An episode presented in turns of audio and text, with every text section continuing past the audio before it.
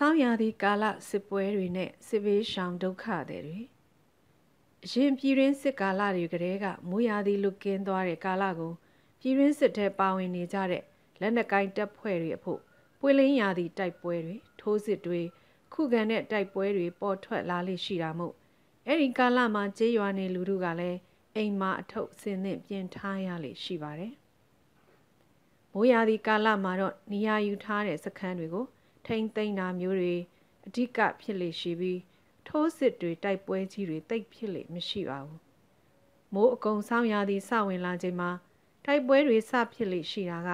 1980 80 90ခုနှစ်တွေရဲ့ဖြစ်နေကြပုံစံလိုမျိုးရက်ရွာလူထုကနားလည်ခဲ့ကြတာပါ။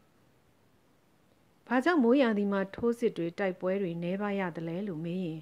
မိုးရာသီမှာလမ်းပန်းဆက်သွယ်ရေးမြေအနေအထားက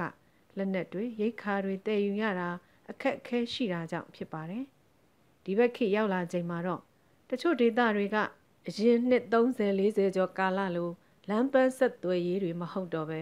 ကားလမ်းတွေကတော်များများကိုပေါက်နေပြီလို့ဆိုနိုင်ပါတယ်။ဒါပေမဲ့လည်းအများစုသောဒေသတွေမှာ၆သွေရာသီကမြေပြင်မှာစိုးမိုးထားနိုင်ရေးရိတ်ခါလက်နဲ့တဲဆောင်ရေးအတွက်လှုပ်ဆောင်ရလွယ်ကူတာကြောင့်၆သွေရာသီမှာပိုပြီးတိုက်ပွဲတွေဖြစ်တာတော့ အခုချိန်ထိအနေအထားဖြစ်ပါတယ်။ပြီးခဲ့တဲ့2019-2018လိုကာလတွေတုန်းကလည်းကရင်ပြည်နယ်၊ကယားပြည်နယ်တို့မှာတိုက်ပွဲတွေမရှိခဲ့ပေမဲ့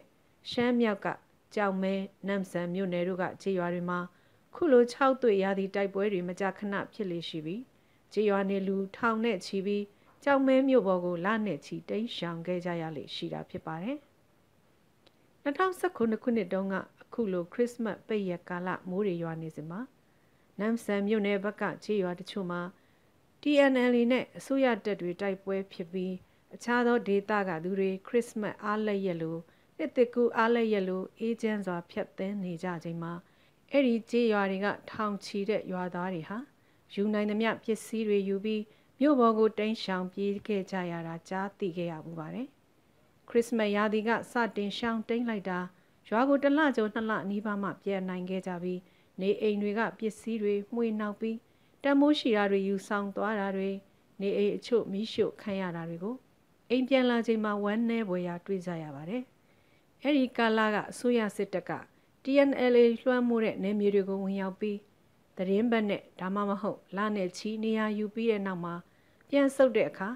RCSS ကအချို့နေရာတွေဝင်ယူလေလဲရှိလို့ TNL နဲ့ RCSS တို့တိုက်ခိုက်ကြတဲ့တိုက်ပွဲတွေလည်းရှိခဲ့ပါတယ်။အဲဒီလူကာလတွေကတည်းကစစ်တပ်ကရွာတွေဝင်ကြတဲ့အခါလူနေအိမ်အဝတ်အစားတစ်တာတွေမကျန်မွေးနောက်ရှာဖွေကြပြီးအချို့သောကြေးရွာလူတို့ယူချိန်မရလို့ကြံရစ်ခဲ့တဲ့လက်ဝဲလက်စားရွှေလက်စွပ်လိုငကက်လိုမျိုးတို့ကိုအစိုးရစစ်သားတွေကယူဆောင်သွားကြတဲ့အဖြစ်တွေကိုကာယကံရှင်တွေပြောပြလို့နားထောင်ခဲ့ရဘူးပါတယ် တခါတခါဒီရွာကရှာဖွေယူဆောင်သွားတာကိုနောက်တရွာရောက်တဲ့အခါရောင်းချဖို့ကြိုးစားတဲ့ဖြစ်ရတွေတောင်သူတို့ပြန်ပြောပြလို့ကြားဘူးခဲ့ပါတယ်။ပြည်တွင်းစစ်ရဲ့အနေထားယုံတွေကပြီးခဲ့တဲ့ဆယ်စုနှစ်တစ်ခုလုံးမှာကချင်ပြည်နယ်မှာရှမ်းမြောက်မှာရခိုင်ပြည်နယ်မှာဖြစ်ပျက်ခဲ့ပြီးအခုတော့ပုံမိုးပြီးကျဲပြန့်လာရမှာကရင်ပြည်နယ်၊ကယားပြည်နယ်၊ချင်းပြည်နယ်၊စကိုင်းတိုင်း၊မကွေးတိုင်းတို့စီအထိပြန့်နှံ့လာတာပဲဖြစ်ပါတယ်။ ခုရပိုင်းဖြစ်ပျက်နေတဲ့အနေထားယုံအဖြစ်ပျက်တွေကမကွေးတိုင်းမြောက်ပိုင်းကနှမ်းခါကြေးရွာကရင်ပြည်နယ်လေးကေကောဒေသကရွာတွေခရယားပြည်နယ်ကကြေးရွာအချို့စကိုင်းတိုင်းချင်းတွင်းမြဝန်းကကြေးရွာတွေဖြစ်ပါတယ်အရင်ဆယ်စုနှစ်တုန်းကလိုနေဆက်ဒေသတွေကတိုင်းရင်းသားကြေးရွာတွေကြီးမဟုတ်တော့ပါဘူး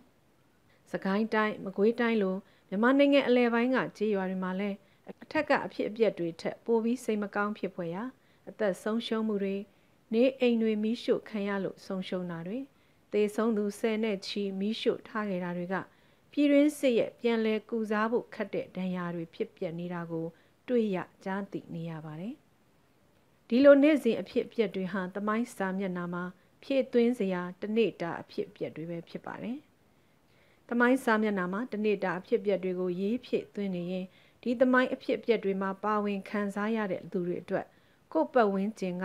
ကိုဇာတိကိုချစ်ခင်ရသူတွေရဲ့မိသားစုတွေအသက်ဆုံးရှုံးရတာတွေအတွက်စာနာမှုကျူးလွန်သူတွေကိုယွန်ရှာမှုတွေကတပြိုင်နက်တည်းဖြစ်ပေါ်နေတာလည်းဖြစ်ပါတယ်ရှင်။